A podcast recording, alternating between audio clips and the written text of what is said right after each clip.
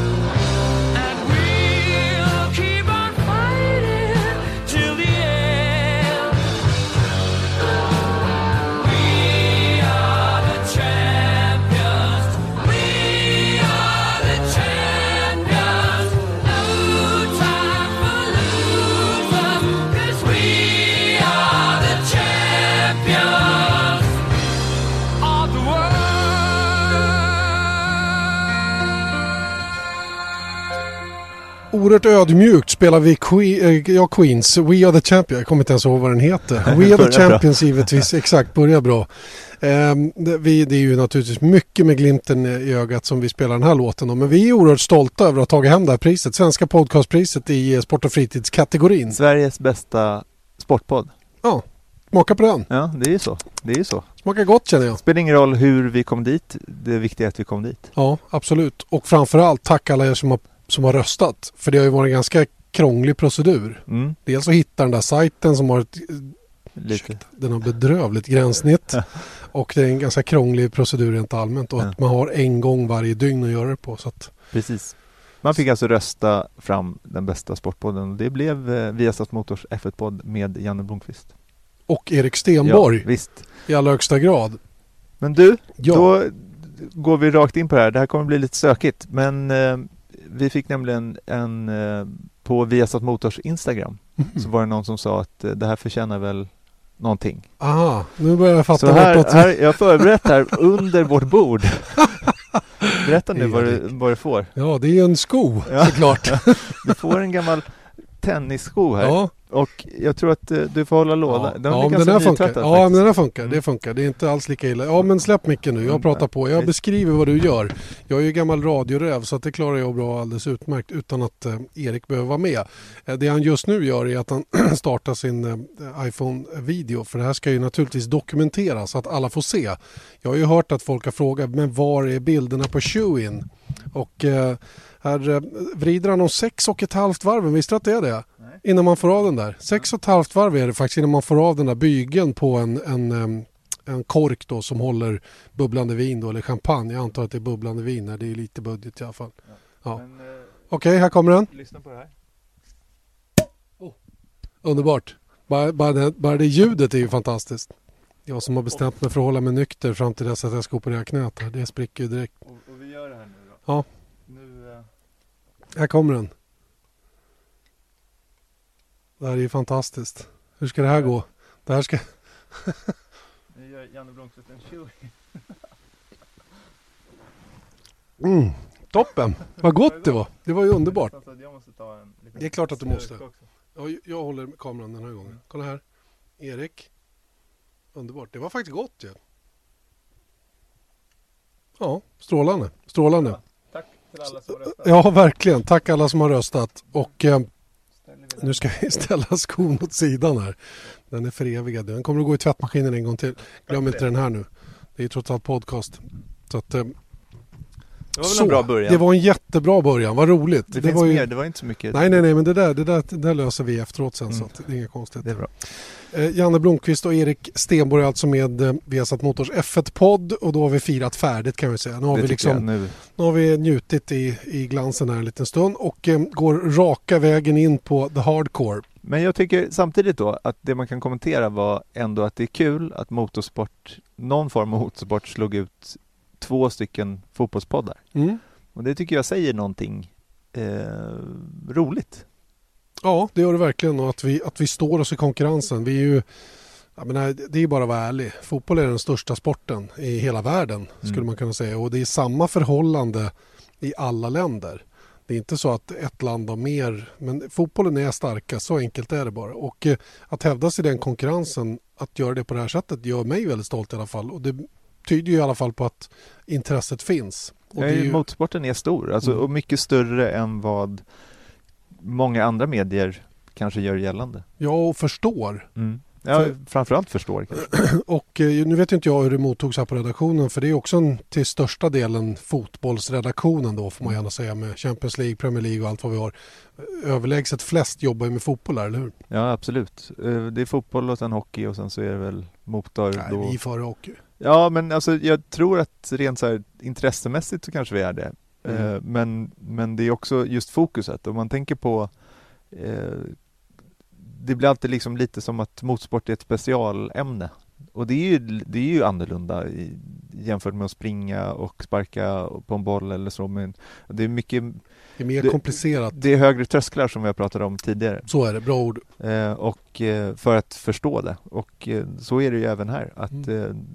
vi är ju en liten grupp som jobbar med Formel 1 och Viasat Motor. Eh, och vi försöker göra det bästa av, av, av bästa vi kan. Mm. Eh, och eh, ja, men det är ett konstigt resonemang men det är ändå kul att, att eh, oavsett om det var vi eller inte så är det ändå kul att det blev uppmärksammat. Exakt, att motorsporten ligger bra till i ett, i ett sånt här sammanhang. Ja. Och jag tror att vi blev plats nummer 18 av 80 totalt som var med i den här tävlingen då. Det var ju P3 Dokumentär Mm. som vann med nästan 10 000 röster Mm. eh, årets podcast. Och som, sen, Ja. Ja. det kan man förstå. ja, självklart, den, den har ju oerhörd, eh, oerhörd bredd och eh, många som lyssnar på den. Nu har Eh, verkligen där sjunkit in Ja, i vad bra. Nu är det nere i sulan. Nu är det nere i sulan liksom, helt och hållet. Ja. Perfekt. I alla fall. All right, eh, on to business. Mm. Som är motorsport och givetvis eh, fortfarande ganska intensivt Formel 1-mässigt eftersom det är så mycket som fortfarande hänger i luften. Eh, men innan vi går in på de bitarna, jag talar förstås om vem som ska ersätta Rosberg eller den där biten, det vi har pratat om ganska mycket. Det, det är ju lite det där med, med rankingar, det är ju väldigt, det är ju väldigt vanligt kan man väl säga att eh, försöka rangordna prestationer i slutet på ett år och försöka göra topplistor och Ja. topp 10D och topp 10D och vilka är de 50 bästa förarna håller Autosport på med Ja. just nu. Och förarna tycker det är toppen. För alla tackar Ja, Autosport det, och vilket gör det är faktiskt lite lite halvfånigt ärligt talat för jag menar hallå. Ja men äh, rankingar på det viset. De, de, alltså, de tar alla förare i, i bilar och så rankar de dem från 50 till 1. Och nu är vi väl framme vid eh, fram till plats 11 i alla ja, fall. just det. Idag ja. Men Mm. det, det, det är konstigt där, om man tittar på några bevis för att det här blir ganska lustigt om man börjar titta på det. Att eh, han som är på plats 30 är Robin Fringe. Han kom alltså 10 i Blancpain Sprint Series och 12 i Formel E. Han är alltså bättre rankad än Eduardo Mortara som kom tvåa i DTM och Mattias Ekström på 41 plats som vann då rallycross, Rallycross VM. VM. Mm. James Calado på plats 32 blev trea i World Endurance Championship GT och alltså nio platser bättre än Ekström. Och, jag, jag först, liksom, och det bara fortsätter. Eh, plats 28 Shane van Giesbergen, etta i Blancpain eh, Endurance och etta i V8 Supercars. Var något sämre än eh, något, eh, plats 27 där René Rast var, Mm. som kom femma i VEC LMP2. Eh, Och gjorde inhopp i DTM. ja, och men- jag menar, nej men du, allvarligt talat, innan du fortsätter. Ja. Den där topp 50-listan som Autosport gör, den är, så, den är så orimligt dum och dålig. För att det är ingenting som stämmer. Och det är inte så att de här killarna som gör den här listan är dåliga, har dåliga kunskaper eller något sånt. Men de har ett omöjligt jobb. ja. Hur i hela friden ska du kunna rangordna? Du får ju rangordna varje kategori till att Ja. börja med. Om det ska Precis. vara någon vits med det överhuvudtaget. Hur ska du kunna ställa, precis som du säger då, Robin Freins Ja. som har kört Blancpain Sprint Series och han har kört Formula E där han inte var topp 10 ens en gång Nej. i det mästerskapet. Hur ska han kunna vara topp 30? Ja, och, och, och när man tittar på att, jag vet inte ens vad, jag tror att Vettel är 11. Alltså Ja. jag menar hur, jag förstår inte, Nej. och det är ändå formelbilar, men hur ska man kunna eh, ranka VRC-förare mot, eh, mot eh, Indycar? Ja, Jag ja. menar det är helt olika sporter och Visst. det är, det är ju lite det, Pippo Derani ja, är med topp 30 tror jag han var. Jag är inte riktigt säker men jag tror att han var det i alla fall. Och jag menar, nej jag, fatt, jag förstår mig inte på den där. Och jag, jag tycker de borde sluta med det bara, rakt upp och ner. För det där gör bara folk förbannade. Och det är väl klart, det är väl kanske anledningen till det också. Mm. Men det är det här som gör att jag blir lite, jag blir lite, eh, vad ska jag säga, jag blir lite förundrad över att förarna bara här, tack Autosport skriver de på sina Twitterkonton för att Mm. jag blev 27 Mm. Och så säger jag, ja före den och den och den och den och den. Mm. Liksom, Ja, och det förtar ju inte själva Prestationen. Liksom prestationen. Nej, nej, men det är nej, nej. det, det kanske det. Jag tror att idén är dålig, att Mm. försöka ranka exakt. så här skilda sporter, för det är Mm. helt olika sporter. Och att då jag menar, det hade varit bättre, för vissa tar man ju upp, det är intressant att läsa. För det är vissa grejer som man, varför Robin Fringe är eh, på plats nummer 30, det är ju för att han gjorde ganska spektakulära eh, bedrifter, eller vad man ska säga, i den här lilla i de här serierna han körde. Och det, jag Mm. menar, det skulle man kunna highlighta. Ja, men ta som topp sådant. 10 Blanc Pain-förare, topp 10 Formel E-förare, topp Ja, 10 men jag förstår att folk, då kanske inte folk vill läsa topp 10 blank per. Men Nej. det, men det jag menar är att bara rada upp de stora eh, händelserna istället och försöka inte jämföra sporter mot varandra. Nej, nej, det har sällan gått och det går framförallt inte den här gången. Jag vet att jag har gnällt om det här tidigare, just deras Autosports försök att, eh, att, eh, att rangordna förare och de är, försöker att kämpa på med sina motiveringar också så man ska liksom köpa det på något sätt. Va? Men det går inte. Det Nej, finns det är inte. samma Det- sak med driver ratings efter racen också. Ja, ja, ja. För de har ingen koll. eh, För det är omöjligt att, att alla de här människorna ska hålla koll på varenda förares race. För att Mm. ofta syns de inte på, på TV ens. Nej, nej. Och vi, vi har satt, eh, våran eh, hemsida är ju lite ansatt just nu för att vi, eh, ja, vi pushar vissa saker hårdare än annat. Till exempel eh, videoklipp nu då. Mm. Och, och, och många av de som följer oss på Facebook är irriterade över det här. Det är exakt samma med en sån grej. Mm. Driver ratings är ju någonting som alla de här hemsidorna, publikationerna vet Mm. har hög klickfrekvens. Mm. Och det är inte tio personer som sitter och rangordnar de här, det sitter en Ja. En person som har i uppgift att hålla koll på 22 förare och ge någon form av rättvist betyg.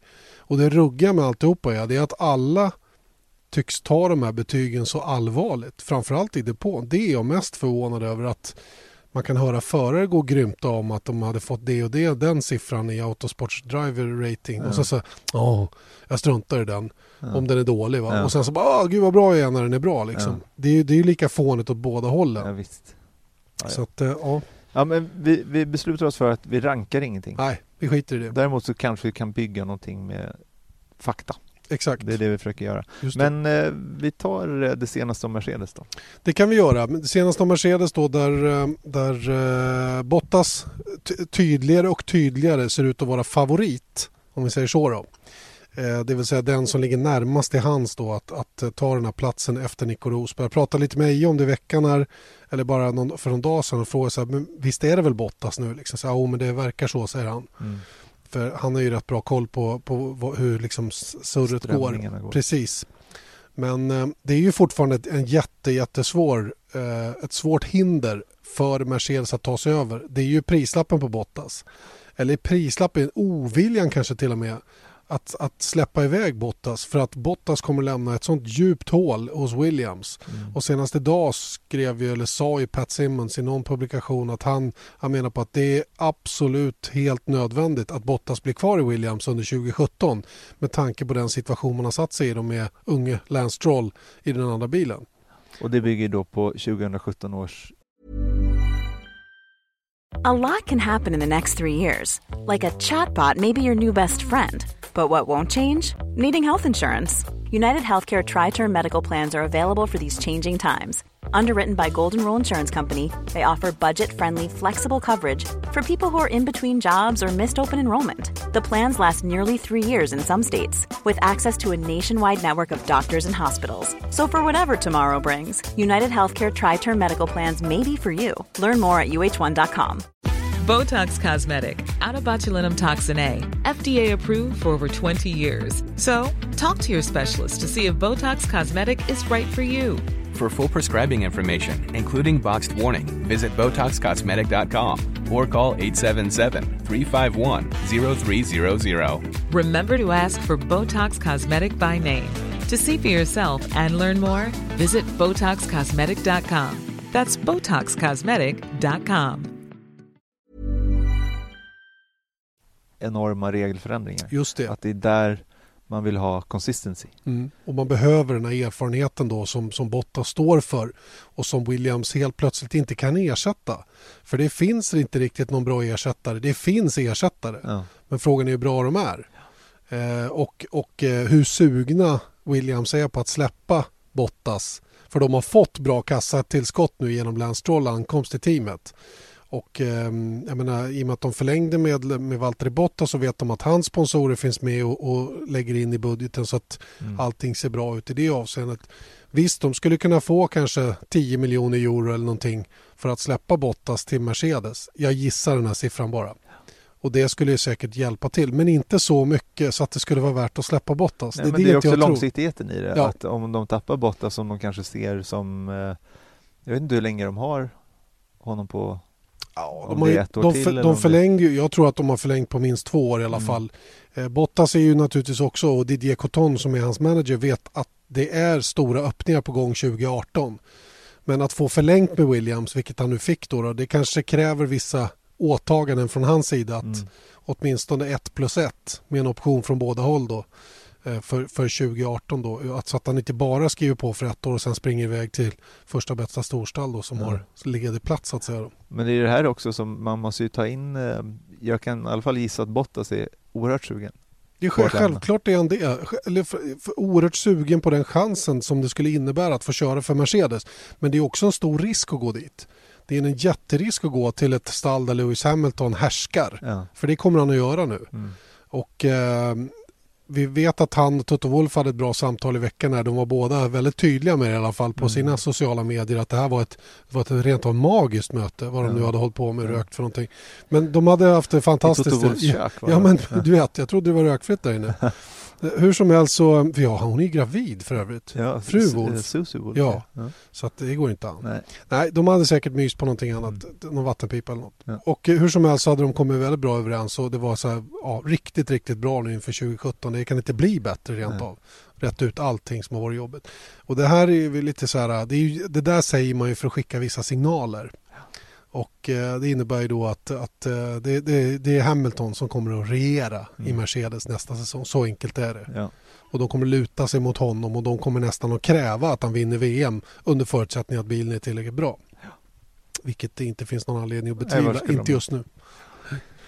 Så att, eh, jag vet inte, det är, visst det är en jättechans att gå till Mercedes för en sån som Bottas. Men han är ju liksom i det övre skiktet utav de här som är sugna på den där platsen. Mm, mm. Och han har ju lite att förlora trots allt. Det finns ju andra som inte har något att förlora på att gå till Mercedes och få ett år i glansen och ta pallplatser och, och pole position och vinna race säkert kanske också. Ja, och kanske lite mindre press Ja. eh, också för att förväntningarna är lägre.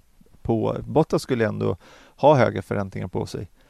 Till skillnad från, eh, jag menar skulle Verlan eller Ocon Mm. komma till Mercedes så skulle det ändå vara ganska så här Folk hade inte varit jätteförvånade om de blev slagna av, av Hamilton. Och, men däremot de racen som man, de eventuellt skulle slå Hamilton skulle de ju få Exakt. väldigt är, mycket tillbaka för. Det är catching på, på förtroendekontot. Liksom. Ja, exakt, Mm. det är mindre risk på det sättet. Men jag tror ändå att eh, Mercedes säger man nog inte nej till om man heter Valtteri Bottas. Nej, Om inte det var upp till honom. om det var upp till honom. Nej. Ja. Problemet är att han just nu ägs utav Williams. Och, och um, Didier Coton har fullt upp just nu. Och sen den kedjereaktion som det här innebär eh, om nu Bottas lämnar för att gå till Mercedes. Mm. Det är ju ett, det är som jag har sagt hundra gånger, det är ett enormt hål det kommer att bli. Och vem ska fylla den platsen? Mm. Och vad kommer det att innebära- för Williams då under 2017? Ett av de viktigare åren i ett nytt reglemente som startar just nästa säsong. Ja, det, det, det här är delikata grejer. Alltså riktigt fin, fin lir på hög nivå för att verkligen få ut liksom okej, släpper vi Bottas men då måste det finnas ett superbra alternativ istället. Va? Och det känns, det finns ju några stycken. Ja, men och jag tror att eh, där, om man tittar på eh, ja, Ocon kanske skulle kunna vara något. Att, att det blir någon slags lyftning på det sättet också. Att de, eh, de tar Bottas från Williams, Mercedes alltså, och sen så stoppar de eh, Ocon i Williams. Mm. Men, men Ja, så kan de göra. Men någonstans måste det finnas någon heder i de här förbaskade kontrakten som skrivs också. Och Khan är ju faktiskt bekräftad av Force India. Någonstans måste ju de också kunna veta vad de har. Mm. Jag vet att jag själv har påstått och skrivit också att, att, eh, att jag tror att Mercedes ganska lätt får loss Ocon om det skulle krävas. Ja. Eh, och om hans tjänster behövs. Eh, och i sånt fall upp i huvudteamet då. Men att det ska bli en sån att han först hamnar i ett mellanteam mm. som då är ungefär lika bra som Williams och så ska de släppa honom ja, till Williams. Ja, det, det, det, blir rörigt. Liksom. Det blir jättekonstigt. Och det är kanske mest imagemässigt för jag tror säkert att de kan lösa kontrakten. Det är ju lite det vi pratade om ja. förra veckan också att om de vill ha Ocon så då löser de ju ja, det. Ja, då fixar de det. Eh, alltså Ocon i Mercedes så de kan säkert lösa det. Allt går att lösa med lite pengar. Mm. Men det är det där också som att man, man ska verkligen inte glömma bort att bara för att Mercedes är ett av de största teamen och har jättemycket ekonomi så är det inte så att de de har inte bottenlösa fickor. Nej, och framförallt, framförallt det de spenderar är ju baserat på vad de spenderar det på. Mm. Det är, det är liksom, ta det här med att ge rabatt på motorer. Ja. ja visst, ger de rabatter på motorer för att låta Pascal Wehrlein köra och Ocon i slutändan också i Manor i år. Mm. Men det är ju inte så att de släpper hela notan. Nej. Vi pratar kanske 15-20 procent. För mer är ju inte de här gubbarna värda i pengar. Det får Nej. man inte heller glömma. Nej. Så att det är inte... Och, alltså, och det är det jag menar, det kostar ju också för Mercedes. För att det hade inte varit... Jag menar, de pengarna är ju också pengar bort. Mm. Alltså hade de... Det är inte så att okay, vi ger rabatter på, på motorerna ja, och då var det gratis för oss. Utan för vi, men det kostar ju... Det är fortfarande pengar. Ja, det är fortfarande pengar. Ja, ja. Det är ju samma sak med Williams. Det var någon som, som menade på att, ja men vadå? Eh, Williams kommer att få motorerna till halva priset om de släpper iväg botten. Ja visst kanske de får det, men när de behöver cash då? Ja. För att skaffa sig en ersättare. Då har man inte så mycket nytta av den här 50 procenten i rabatt. Nej, inte lika. Inte lika mycket i alla fall. Så att, eh, ja, det där är, det där är en, en svår nöt att knäcka och jag vet inte vad som kommer att hända. Nej. Det är ju få gånger man inte riktigt har någon så här, man kan ja, inte och Allt det bygger på att det var en sån himla chock när Rosberg Exakt. sa upp sig. Mm. Och, och, det fanns ju inga indikationer på det. Nej. Och det är ju samma sak nu, att nu är allting spekulationer. Jag ja. menar det vi håller på med är ju bara spekulationer också. Exakt. Och att Bottas, det är inte, jag menar det är inte Mercedes som har gått ut och sagt att eh, vi vill ha honom. Det är brittisk media i första ja, hand. Ja, men så är det ju. Liksom. och det är klart att de har bra källor, ingen tvekan. De har jättebra källor. Frågan är bara om de är riktigt på toppen där de behöver ha de här källorna eller om det är liksom sidospår eller något. Det är klart att det är. Det är inte, så, det är inte så att de pratar med Toto Wolff Nej, direkt. För de, de läcker inte. Nej. Det gör de inte. Nej. Eh, det är väl Ocon och Wehrlein och kanske Naser och ja, kanske Eriksson. Eriksson skulle jag kunna tänka mig också då som, som åtminstone finns med i en eventuell diskussion mm. om Bottas skulle gå. Det borde vara så i alla fall. Mm. Det är en kedjereaktion i alla fall. Ja, det är det väl. Och apropå indikationer så har det kommit sådana också på varför Force India snodde Ocon. Mm. Och det är väl lite så som vi har, har diskuterat att eh, det hade med personlighet att göra.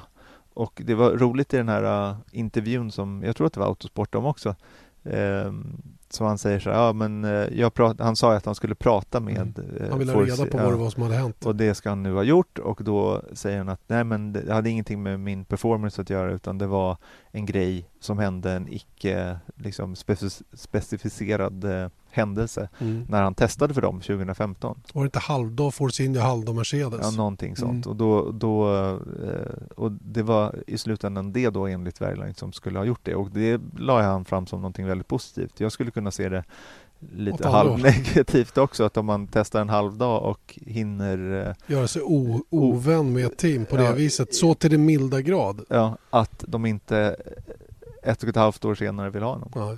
Att, eh. Jag vet inte om han fick hybris där. Han körde i två Han kanske började i Mercedes, hoppade över i Force India. Så sa, kom han dit och hade liksom varit i proffsteamet ja, och kom till juniorerna. Skulle och liksom, berätta hur det var. Exakt, var lite Allan Ballan där. Det är ju inte så lovande. Nu, Spekulationer ingen, också. Exakt, men, jag har ingen aning.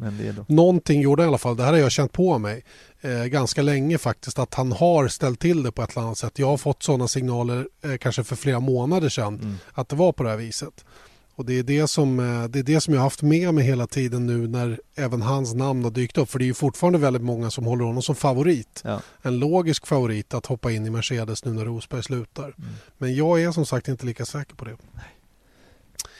Ehm, Och eh, lite kort om Sauber då som inte har eh, presenterat någon eh, förare intill Marcus Eriksson eller nästkommande säsong. Eriksson som för övrigt har varit i Valencia i två dagar. Mm. För lillebror Hampus det, har nämligen blivit erbjuden att testa Formel 4 tillsammans med Marcus gamla team både i Formula BMW och i Formel 3 i England, Fortec. Eh, Richard Dutton som är Sverigevän får vi kalla honom. Jag tror han har kört eh, Storkenfält och jag tror att eh, Fredrik Ekblom var där och körde brittiska Formel 3000 en gång i tiden. Ja. Eh, Men framförallt Marcus då har ju varit där och kört. Och, ehm, eh, Richard ringde upp och sa det att vi har hört att Hampus är bra så vi vill att han kommer att testa en dag nere i Valencia. Eh, och, eh, Två dagar var det? Ja, det blev två dagar men eh, ja, de förlängde det lite grann för att han skulle få lite körtid i bilen. Då. Mm. Hampus som eh, gjort väldigt bra ifrån sig i gokart under året i OK Junior som är en väldigt, väldigt stor klass. Det finns två OK-klasser då för, för eh, ungdomar 13 till 15 år. Och ehm, han var ju så pass bra med så han var femma i finalen, eh, VM-finalen i Bahrain eh, på start. Alltså hade kvalat in som femma. Tyvärr så slutade det lite för tidigt då. Men det här spreds i alla fall och eh, Formel 4-test för Hampus Eriksson och Marcus var där och coachade lite grann nere i Valencia. Nu har han stuckit till, eh, till Schweiz. Till Jul, fabriken. Julkalas. Bland annat jag. Ska kolla lite på ritningar och kanske göra något seatfit och lite sådana grejer. Den första i alla fall där de får känna på hur nästa års chassi, chassi ska se ut och vara. Det var rätt kul att se de där bilderna på, på Hampus med eh, lite för stor eh, form, Formel BMW. Just det, det. var ju all, all, bara begagnade. Allt var begagnat. Ja. Ja. Hjälmen var från Caterham. Jag tror att understället var Caterham. Ja. Overallen var den här Allspice. BMW, Ja, det var den från första året 2007 måste det ha varit då. Ja, det var kul. Ja, vad roligt att se. Mm. Så är det i alla fall. Eh, som sagt, Marcus är i Schweiz. Han har ingen teamkamrat just nu och eh, det är ju eh, det är några, ja, de hetaste kandidaterna är ju samma som vi har pratat om hela tiden egentligen. Det är Nasser, det är Verline och det är Rio Harianto. Mm. De tre. Sen finns ju Crash och Nado här också Ja. som är lite sugen att hoppa in igen. Vad skulle du känna då? Om helt plötsligt Pastor Maldonado kom tillbaka till Formel 1? Han är racevinnare. Ja, alltså han är, han är mycket, mycket bättre än han får cred för. Han är fullständigt galen emellanåt, men det är en helt annan sak. Det är det ju många som är på griden emellanåt. Ja, Du men, också? Jag också, helt och hållet. Eh, men men eh, han, är, han, är en GP, han har vunnit GP2. Visst, han körde många säsonger, men det är det många som har gjort. Han vann trots allt GP2-mästerskapen. Han har vunnit ett Grand Prix. Mm. Visst en, så, en speciell säsong och, men väldigt bra insats just den gången och han, han, han kan köra bil fort. Det är bara det att han saknar vissa Ja, spärrar. Lite spärrar. Jag kommer ihåg vet du, när han, eh, han gjorde någonting uppe i Lucom tror jag på spa. Du vet ju långa kemmelrakan Ja. så går man höger vänster och sen så viker man ju höger över ett krön ner mot Raskas. I det där högersvängen innan man går ner över krönet. Just det. Där bara liksom, ja men det gick förra varvet. Ja. Så, men han tänkte inte på att det kanske var mindre grepp några Ja. varv senare. Nej. Så han bara satte av den i räcket där. Mm. En annan gång var ju när han körde Jag av. minns den gången efter också, då hade, då, hade, då hade ju Eje pratat med hans eh, fysio eller vad det var Ja, någonting sånt. efteråt och, och sagt att ah, det var så, sån otur, det gick nästan Ja. det här. Och då är det så här, ja, fast nästan ja. Nästan är inte riktigt eh, Nej. detsamma som att det gick. Nej, exakt. Nej, men han har gjort många konstiga grejer. Han satt och fibblade. Eller ja, vi, vi, det är ingen idé att vara taskig och räkna Nej. upp alla de här grejerna. Är, han är en skön karaktär tycker jag. Och det är just det där som det är lite Det är synd om honom på ett sätt att, att han har ju satt sig där själv men jag Mm. menar det har också varit lite eh, hela hans uppenbarelse är ju eh, lite lustig Mm. om man ska säga, Ja, ja, säga det. Han är ganska dålig på engelska och han, han, han liksom verkar, när vi har intervjuat honom också så är han ju lite så här uh, oförstående Mm. över den där. De har den där hemsidan Has eh, Maldonado Crash Today och och sånt där och då, det pratade vi om i den intervjun och han bara ja det, Det tack snälla fans liksom för att göra det och det, jag tror det är lite hel, hela Do you love anime, gaming, movies, and discovering how your favorite pop culture affects everything you do? Then join us on Crunchyroll Presents The Anime Effect. I'm Nick Friedman. I'm Lee Alec Murray. And I'm Leah President.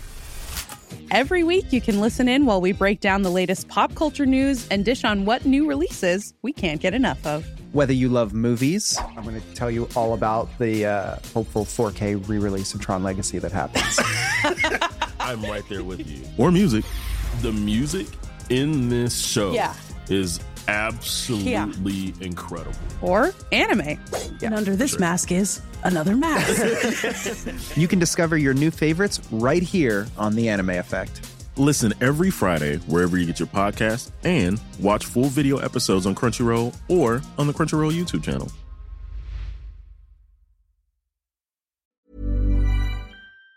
Uh, konceptet Pastor Maldonado som gör att han har det här ryktet. Sen så har han ju gjort saker i Monaco så Mm. att han blir avstängd från att ja. köra. Så jag menar spärrarna som du säger Saknas. kanske saknas Mm. vissa gånger.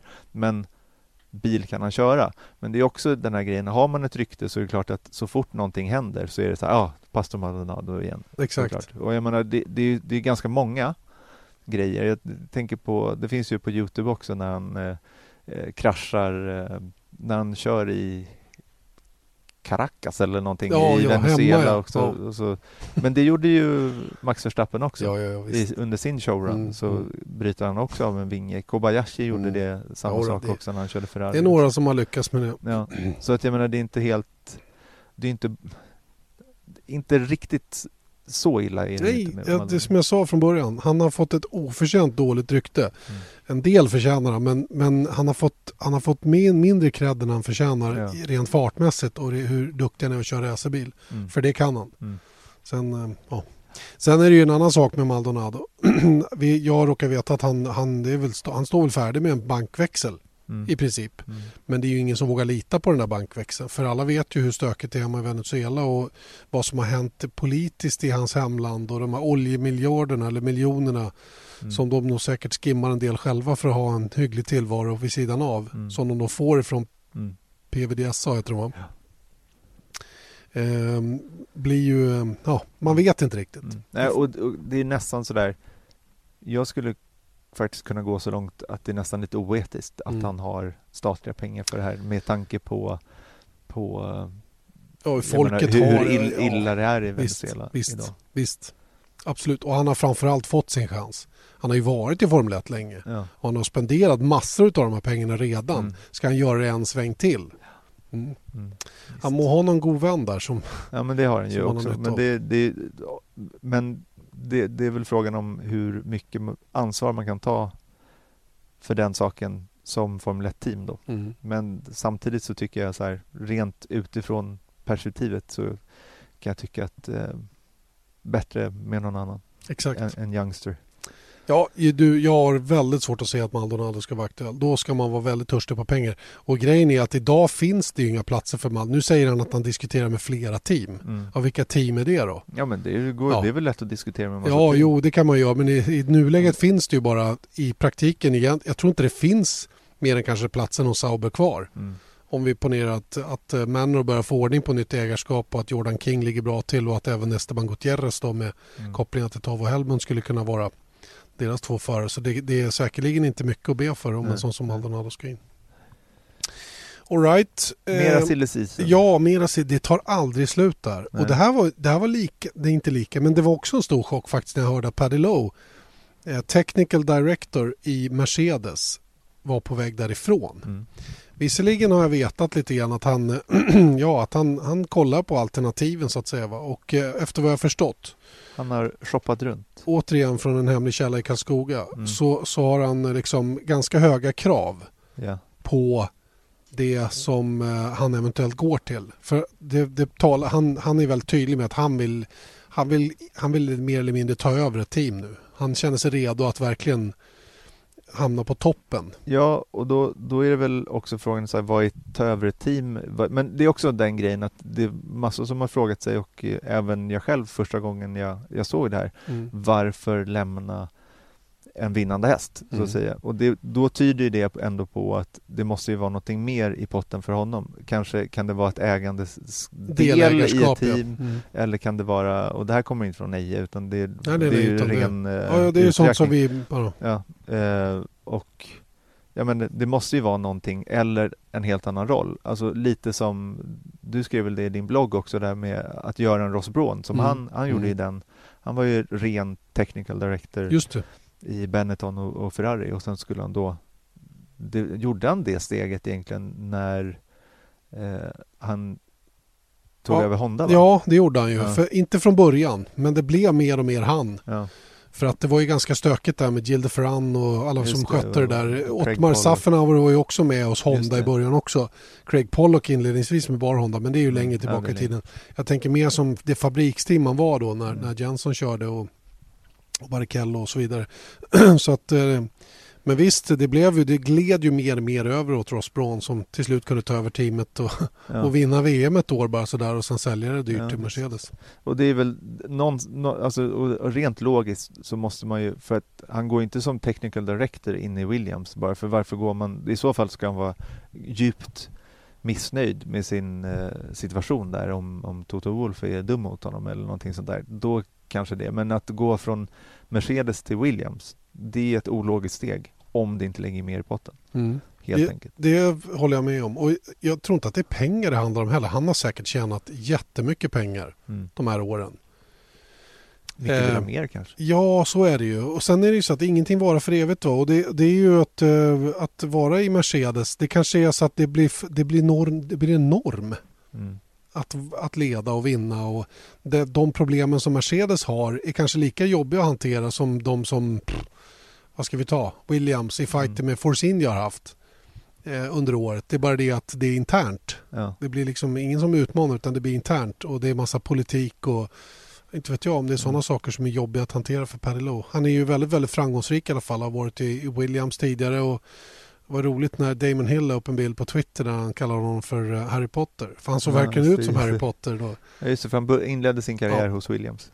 Exakt och, och eh, Paddy Lowe var ju sen en av de eh, ledande och väldigt duktiga personerna hos McLaren under en period när de var bra efter Adrian Newey. Mm. Men då måste jag komma till en annan grej som jag också slog mig i tanken när jag började fundera på, du vet när jag sitter på cykeln, då eh, tänker jag. Ja, bra. Det är enda gången jag tänker i stort sett på hela dagarna. Men då är det så här att dels varför han lämnar Mercedes för att gå till, om han nu gör det, Mm. om han lämnar Mercedes för att gå till Williams. alltså som är det Eh, hö- heta ryktet. Ja. Mm. och, men då är det också så här, vem är Paddy Lowe? Är han ett geni? Är, är han det? Jag kan inte svara på det. Nej, och vet du vad? Det är banne mig omöjligt Mm. att göra det. Mm. För förstår du hur avancerat Formel 1 är? Alltså att om, om vi, vet, förklara en diffuser. Ja, nej men det... Ja, men liksom, du förstår vad jag menar? Ja, ja, visst, att det, det är så otroligt avancerat tekniskt. Så att helt plötsligt börjar jag tänka på så här, vad är en technical director? Mm. Och vad gör en bra technical Mm. director? Den som man vet är ju så här, man, man vet så här, okej, Adrian Newey, han är jättebra. Designer ja. Ja, men han är en technical director. Mm. James Allison, jättebra också. Och sen så bara, jag- vet inte vad, varför de är bra och det är väl bara facit då. Men om man tittar på vad, vad eh, Paddy Lowe har gjort, nu kanske jag är incoherent, eh, eh, osammanhängande, men du får förklara, Ja, du ja, får mm. sammanfatta. Hårt. Men han började hos Williams, var där 87 till 93. Då vann Nigel Mansell ehm, VM. eh, VM 92. Då var han, eh, eh, tog han hand om deras eh, aktiva fjädring. Okej. Det var det han höll på med. Mm. Sen så gick han till McLaren 93 då. Och då var han Head of Research and Development och massa andra Vehicle Technology och allting sånt där. Ganska var- långt i bakgrunden då. Han var inte Technical Director. Nej. Eh, och i maj 2005 så blev han Engineering Director, alltså ingenjörschef. Mm. Eh, hur gick det för McLaren? Och han var i McLaren eh, då från 93 till 2013. Mm. Hur gick det för McLaren mellan 2005 och 2013? Ganska okej va? Eller i Okej, alla fall men 7-8 liksom- var ju bra säsonger. 9 var väl inte så bra. Nej. Men det är liksom också, Ja. det är så här, okej. Mm. Det, Ja. det, det är det enda man kan göra. efter. Och sen så var ju faktiskt Ross Braun, han tog ju över efter Ross Braun i Mercedes. Mm. Och sen så finns det ju en del som säger att ja, men det är ju Ross Braun som la grunden här 2013 Mm. Tills att de började vinna 2014 för att i och med att det ligger så långt fram. Och det rider de på fortfarande då. Ja. Och Mm. jag menar, jag har ingen anledning att, att ifrågasätta Paddy Lowe. Men det är bara så här jag kan inte värdera en technical director. Nej, och det, vi har samma fenomen med en annan technical director som har florerat väldigt mycket och som det är James Allison då som, Mm. som eh, var hos Lotus, fick väldigt, väldigt mycket cred. Först var han hos Ferrari, sen hamnade han hos Lotus och eh, fick väldigt, väldigt mycket cred för den fina bilen man hade framförallt 2013. Mm. Sen, sen eh, ja, värvades han över till Ferrari igen och sen, eh, ja du vet. Och, och då trodde man så här, ja men nu det är en, det är en Allison-bil. Mm. Ja, vad är en Allison-bil? Det är en Allison-bil ritad Mm. av James Allison. Idag är det ju hundratals människor Ja. som bidrar till att en bil blir som den blir. Ja. Och det stora arbetet är ju att sammanfoga alla de här personernas Exakt. arbeten och på något sätt värdera det man får och kunna göra en, en, en, en ja, arbeta ihop det, baka ihop det till ett superfint paket som sen Mm. är snabbt på banan. Och det är där jag menar också att det är ju, man är egentligen en chef för det tek, den tekniska sidan av bilen, vilket är allt. Absolut. Eh, Och det var ju det Sauber har saknat till exempel. precis. Och de anställde här Mark Smith och han skulle då bli technical director och den sammanhållande länken mellan Aero, det mekaniska och alltihopa. Då, så att allting sattes ihop på ett bra Ja, sätt. För, för det man ska veta är ju att Aero-gänget på, i ett Formel 1-team, de har ingen aning om hjulupphängningar. Nej. Och hjulupphängningar har ingen aning om gearbox Nej. eh, eller växellådor. Och det är liksom lite det. Så det är det som en technical director gör, är att de ska ta in alla de här människorna, leda dem så att alla drar åt rätt håll och bestämma vilka områden är det vi satsar på. Vad, vad lägger vi mest krut? Mm. och vad är det som vi eh, tar fram och så vidare. Se, se till att teamet drar åt rätt håll. Och de jobbar ju också sex månader fram i tiden, cirka. Ja, ungefär. Ja. Och det är också en sån grej att då måste man ju veta, så här, okej, vad, vilka beslut tar vi? Mm. Vad är det vi saknar och sånt? Skillnaden med en sån som Adrian Newey under den tiden han var riktigt, riktigt aktiv det var ju att han faktiskt stod vid ritbordet Ja. och kom med de, de, de lösningarna som sen naturligtvis vidareutvecklades och förfinades i datorer med CFD och allt vad det nu är för Ja. någonting. Men det var ju, alltså, Ja, Jag tror han gör det än idag. Ja, att han det står med ett, tänka i alla ett ritbord. Liksom. och det är lite kul då när vi hör vad, vad Ferrari har på gång när man kallar in professor Kalkyl igen som Ja. Lillövers kallar honom. Rory Byrne. Rory Byrne, ja, den numera 72-årige sydafrikanen Rory Byrne. Och jag skrev en lång blogg om honom igår bara för att förklara för folk varför Ferrari frågar honom gång på gång om man kan komma tillbaka. För det har skett ett antal gånger nu där de har velat ha honom i en konsultroll. Eh, Och eh, Rory Byrne tog sin första konstruktörstitel 1995 med Benetton, Benetton Renault. Han hade kunnat vinna redan 94 om inte Adrian Newey hade gasat på lite med den bilen. För Då var han- Williams. för Williams ja. Eh, sen så eh, mm, slutade ju, eller ja, sen, då bestämde han sig för att lägga av helt enkelt 95. Då var han klar. Och eh, sa då till alla att nu räcker det. Nu ska jag åka till Thailand och, och slappa. Eh, samtidigt gick Vet du vad han håller på med? Nej. Sån här eh, fiske, Jaha. alltså men så här harpunfiske tror jag. Jaha, är det? Underwater fishing Okej. läste jag. Och det är också lite kul för alla, alla engineers, eller ja, Ross Braun i alla fall, Mm. han avslutade ju för att åka och fiska. Och bli fiskare. Ja. Ja. eller ja, inte fiskare men ja, det är något med. Jag gillar inte att fiska. Inte jag heller. Så att eh, det kanske tyder på min tekniska okunskap. Förmodligen. Ja. Hur som helst så slutade Rory Byrne samtidigt som eh, Schumacher och Ross Braun som han hade jobbat med i Benetton och gick vidare till Ferrari. Och eh, då började ju övertalningskampanjen och så småningom anslöt han ju. Mm. Och genast var Ferrari konkurrenskraftiga så han hade ju någonting. Mm. Det var John Bernard som hade byggt bilen åt Ferrari innan då som ja, visserligen många gånger var snabba men höll sällan och så här. Och det tror jag inte var John Bernards fel utan det var nog det sammanhållande. Hur som helst så Rory Byrne vann ju sen då eh, titlarna konstruktörs-VM 99 fram till 2004. Och sen så eh, jobbade han på fram till 2006 när han valde att lägga av helt och hållet. I samband med att Schumacher... Eh, slutade ja, precis. Och efter det så har ju Ferrari faktiskt haft svårt att eh, få till en bil som, som håller för att vinna VM i alla fall. Och, 2007 eh, i och. Ja, men det var ett spillover från Ja. Rory Byrne, Visst. den bilen 2007. Så att eh, jag tror, eh, jag tror att han hade väldigt, väldigt stor påverkan på varför det gick bra. Men samtidigt så var det nog den totala situationen i Ferrari som var gynnsam på den tiden med Ross Braun, Jean Tott, Jean Tott som mer eller mindre stängde ut alla, allt och alla för att, för att blanda sig i eh, det här med eh, att bygga en så snabb racerbil som möjligt, vilket Mm. kanske han hade som krav. Och det är väl där som Ferrari har svårigheter idag att få ihop det. Det är för många utanför som är inne och, och knackar på ryggen och står som ryggsäckar och vill kolla vad som händer och kräver resultat och sådana grejer. Mm. Och nu håller de ju på igen då, Ferrari, att eh, det kom ju fram under de här Mm. Daytona Days eh, som de hade för två veckor sedan. Mm. Eh, som någon Ny radikal Ferrari. Ja, exakt. Men också att då att hur de skulle ta fram det här då. Mm. Att det var det är inget fel på motorn utan det är liksom chassi, chassi, chassi, chassi. Och det är ju såklart med 2017 är det ju så. Ja.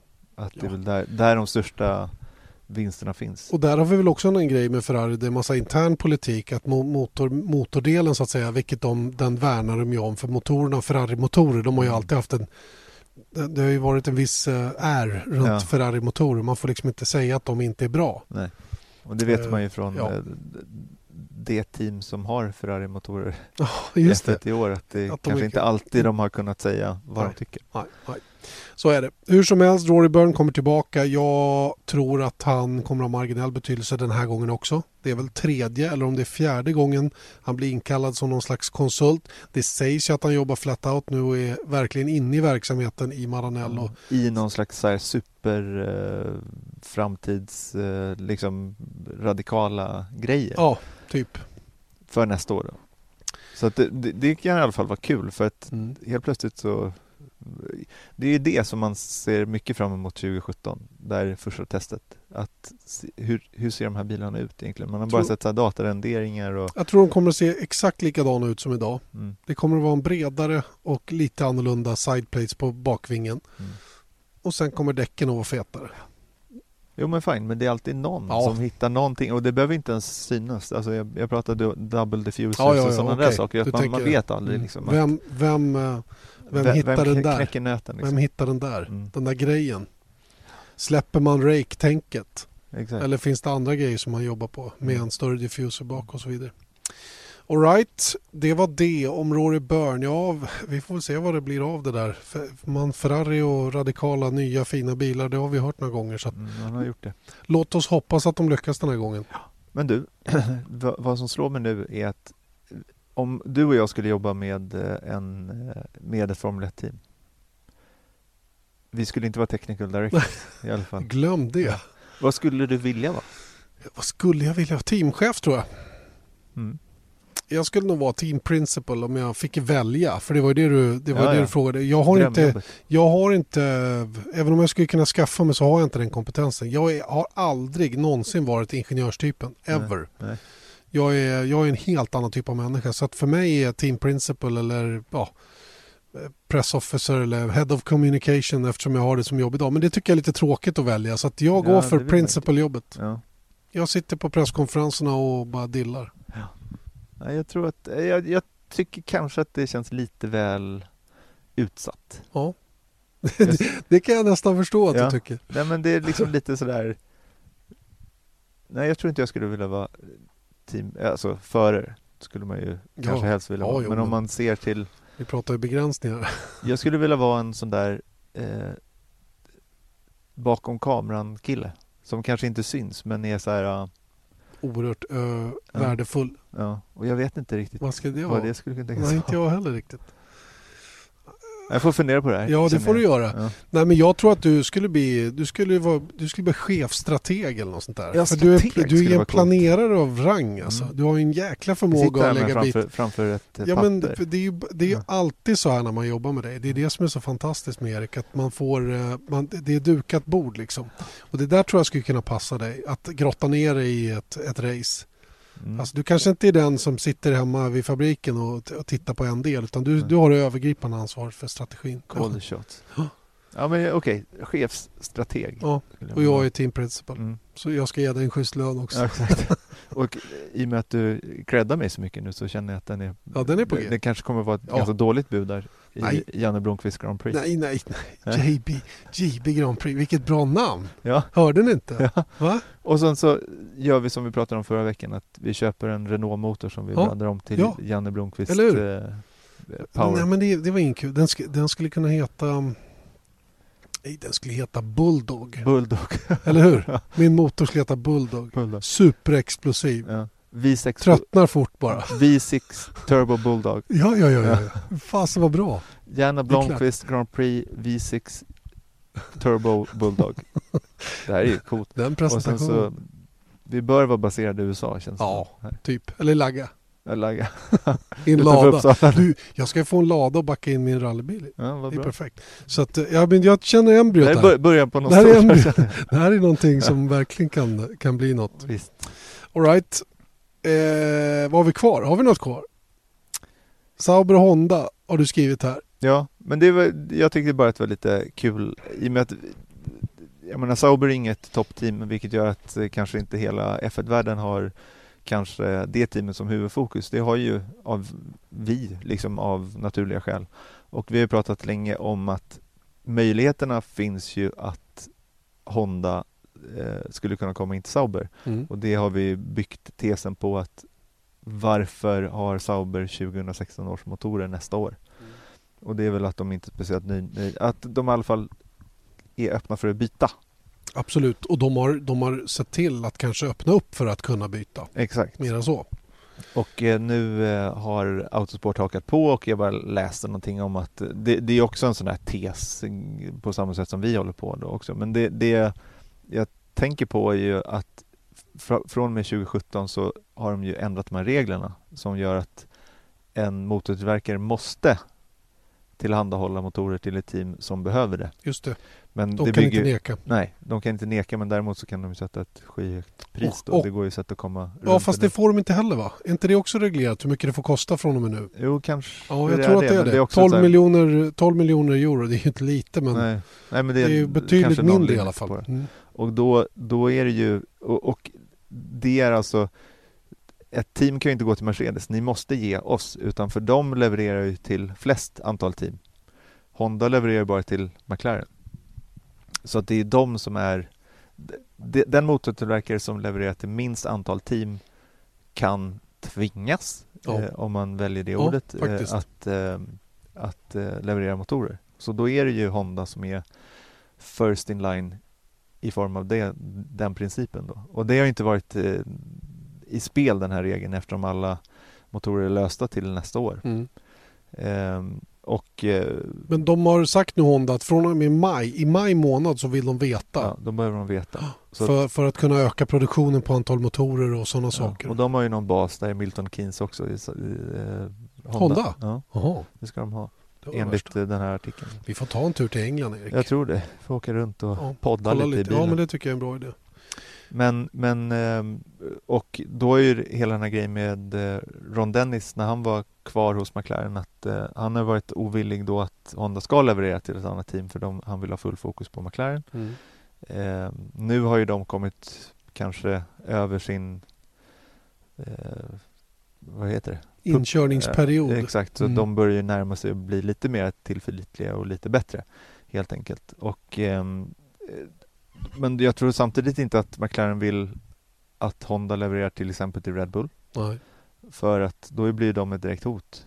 Ja men det är ju detsamma som att Merca skulle leverera motorer till Red Bull när Ja, Red Bull exakt. ville byta från Renault. Ja. Kommer inte att hända. Nej, det vill de inte göra och då är ju Sauber eh, än en gång då ett, ett eh, passande alternativ Ja. eftersom inget hot mot McLaren. Skulle kunna bli eh, Force India till Mercedes, typ så. Exakt. Eller Williams till Mercedes. Ja, exakt. Men då tänker man också att skulle Sauber kunna bli McLarens junior-team? Mm. De har ju inget sånt. Det är klart att de skulle kunna bli. Hur skulle det kunna se ut?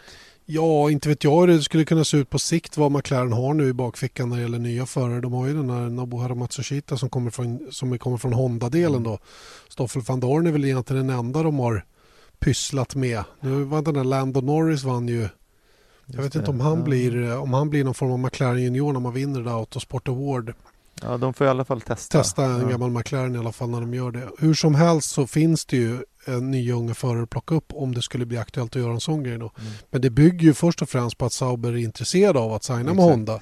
Eh, och det är ju det, det som talar emot att en sån uppgörelse är på gång. Det är ju möjligen då att Pascal Wehrlein har varit så högintressant att hoppa in hos Sauber. En förhandling som nu ligger på is då eftersom de behöver lösa lite andra bitar hos Mercedes. Mm. Men den, det tror jag fortfarande inte är ett kallt spår så att säga utan Wehrlein kan absolut bli aktuell för, för Sauber även i Ja, fortsättningen. och då är ju säkerligen inte Honda ett alternativ. Det borde inte vara det i alla fall. Samtidigt, det är ju ett år med gamla Ferrari-motorer. Det- Ja, inte vet jag. Det, Ja, det, och, du, och kolla på Con som sitter med, med eh, tredje förare i, I Renault, Renault. liksom. fastän han är Mercedes Ja. egendom. Det som, är, det som talar emot att, att det inte skulle vara en Mercedes-deal på gång om de plockar in Wehrlein, det är ju att ehm, ska de betala Ja, för att för, köra med Wehrlein i Sauber och sen inte ha något incitament för fortsättning. Alltså det, det känns konstigt. Vilket kanske är en försvårande anledning till Att att, de inte har löst att, det. att Wehrlein inte sitter i Sauber. Mm. Än i alla fall. Ja, För att liksom, vad ska de betala med? just. Det är till nästa år då och då kanske Wehrlein inte ens är Ah, det kan de väl skjuta på i och för sig. Jo, Alltså att, att rabatten kommer 2018. ja, om det är det som är argumentet. Jag vet inte. Ja. Hur som Det helst känns så... som det kommer bli en hel del sånt här under de här vinterpoddarna. Ja, men- Spekulationer. Ja, men vadå? Är väl, jag hoppas inte någon tar illa upp för vi sitter och spekulerar för det är ju det enda Nej. vi kan göra. Jag tycker det är kul. Ja. Det, är Ja. ju det, det är det här samtalet som jag saknar att ha privat. Mm. Jag har några stycken, Erik är en av dem som jag kan göra det här utanför sändning så Ja. att säga. Och jag har väl några till som jag kan prata med som jag vet Mm. är liksom är på den nivån. Men det är ju, det är ju på något sätt det, Det är därför är vi ringer varandra några gånger i veckan också. Bara, couple "Hörru of du, times. har Just du just tänkt på? Jag har tänkt på den här. Och smsen går varm också. Ja. Så Min att, eh, fru hjälper mig inte alls. Nej, Och min son är bara tre. inte han- min heller. han Vem pratar prata- du med nu säger? Ja. Vem pratar du med nu? Ja. Ja, ja, som vanligt. Ja, då slutar jag lyssna. Så är det.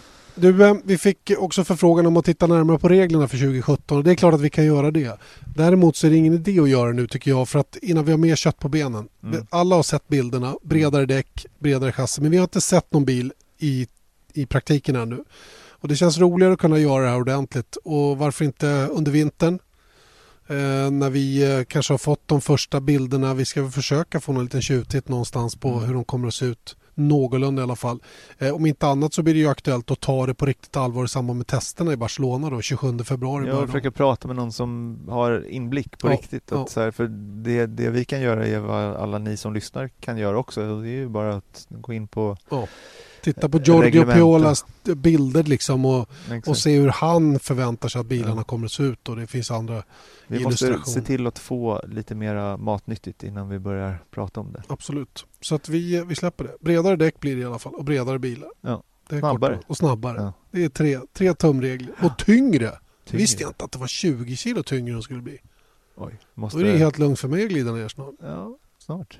jag, jag, jag sa ju att du vägde 140 kilo förra veckan, Exakt. så det kanske inte är så. Nej, nej, jag Nej. går åt andra hållet nu. Så Ja, du sa det. Herregud, det är bra som Sluta sjutton. tjata. Ja, ja, ja, ja.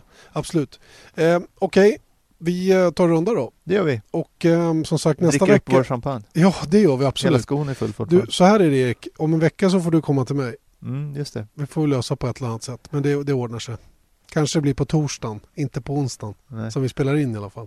Jag råkar också åka till Dubai imorgon, Ja, just det. När kommer du hem? torsdag. Ja, men då blir det ju kanske fredag då. Men jag, jag ska leta upp eh, Fernando Alonso, han bor ju där. Ja, ja, ja, kan men jag det är bra. Det är bra. Men du, vi kan förvarna om det. Att det kanske blir mot se... Alltså det, ni kanske får den som julklapp där framåt fredag, lördag. Mm, det låter väl bra. Det är bra idé. bra. Toppen bra Erik Stenborg. Tack så mycket för, för oss den här gången. Eh, Sveriges bästa podcast säger nu tack och hej för idag. och eh, njuter vidare av segern. Det ska vi göra. Vesat Motors F1-podd presenterades av byggvaruhuset Bauhaus.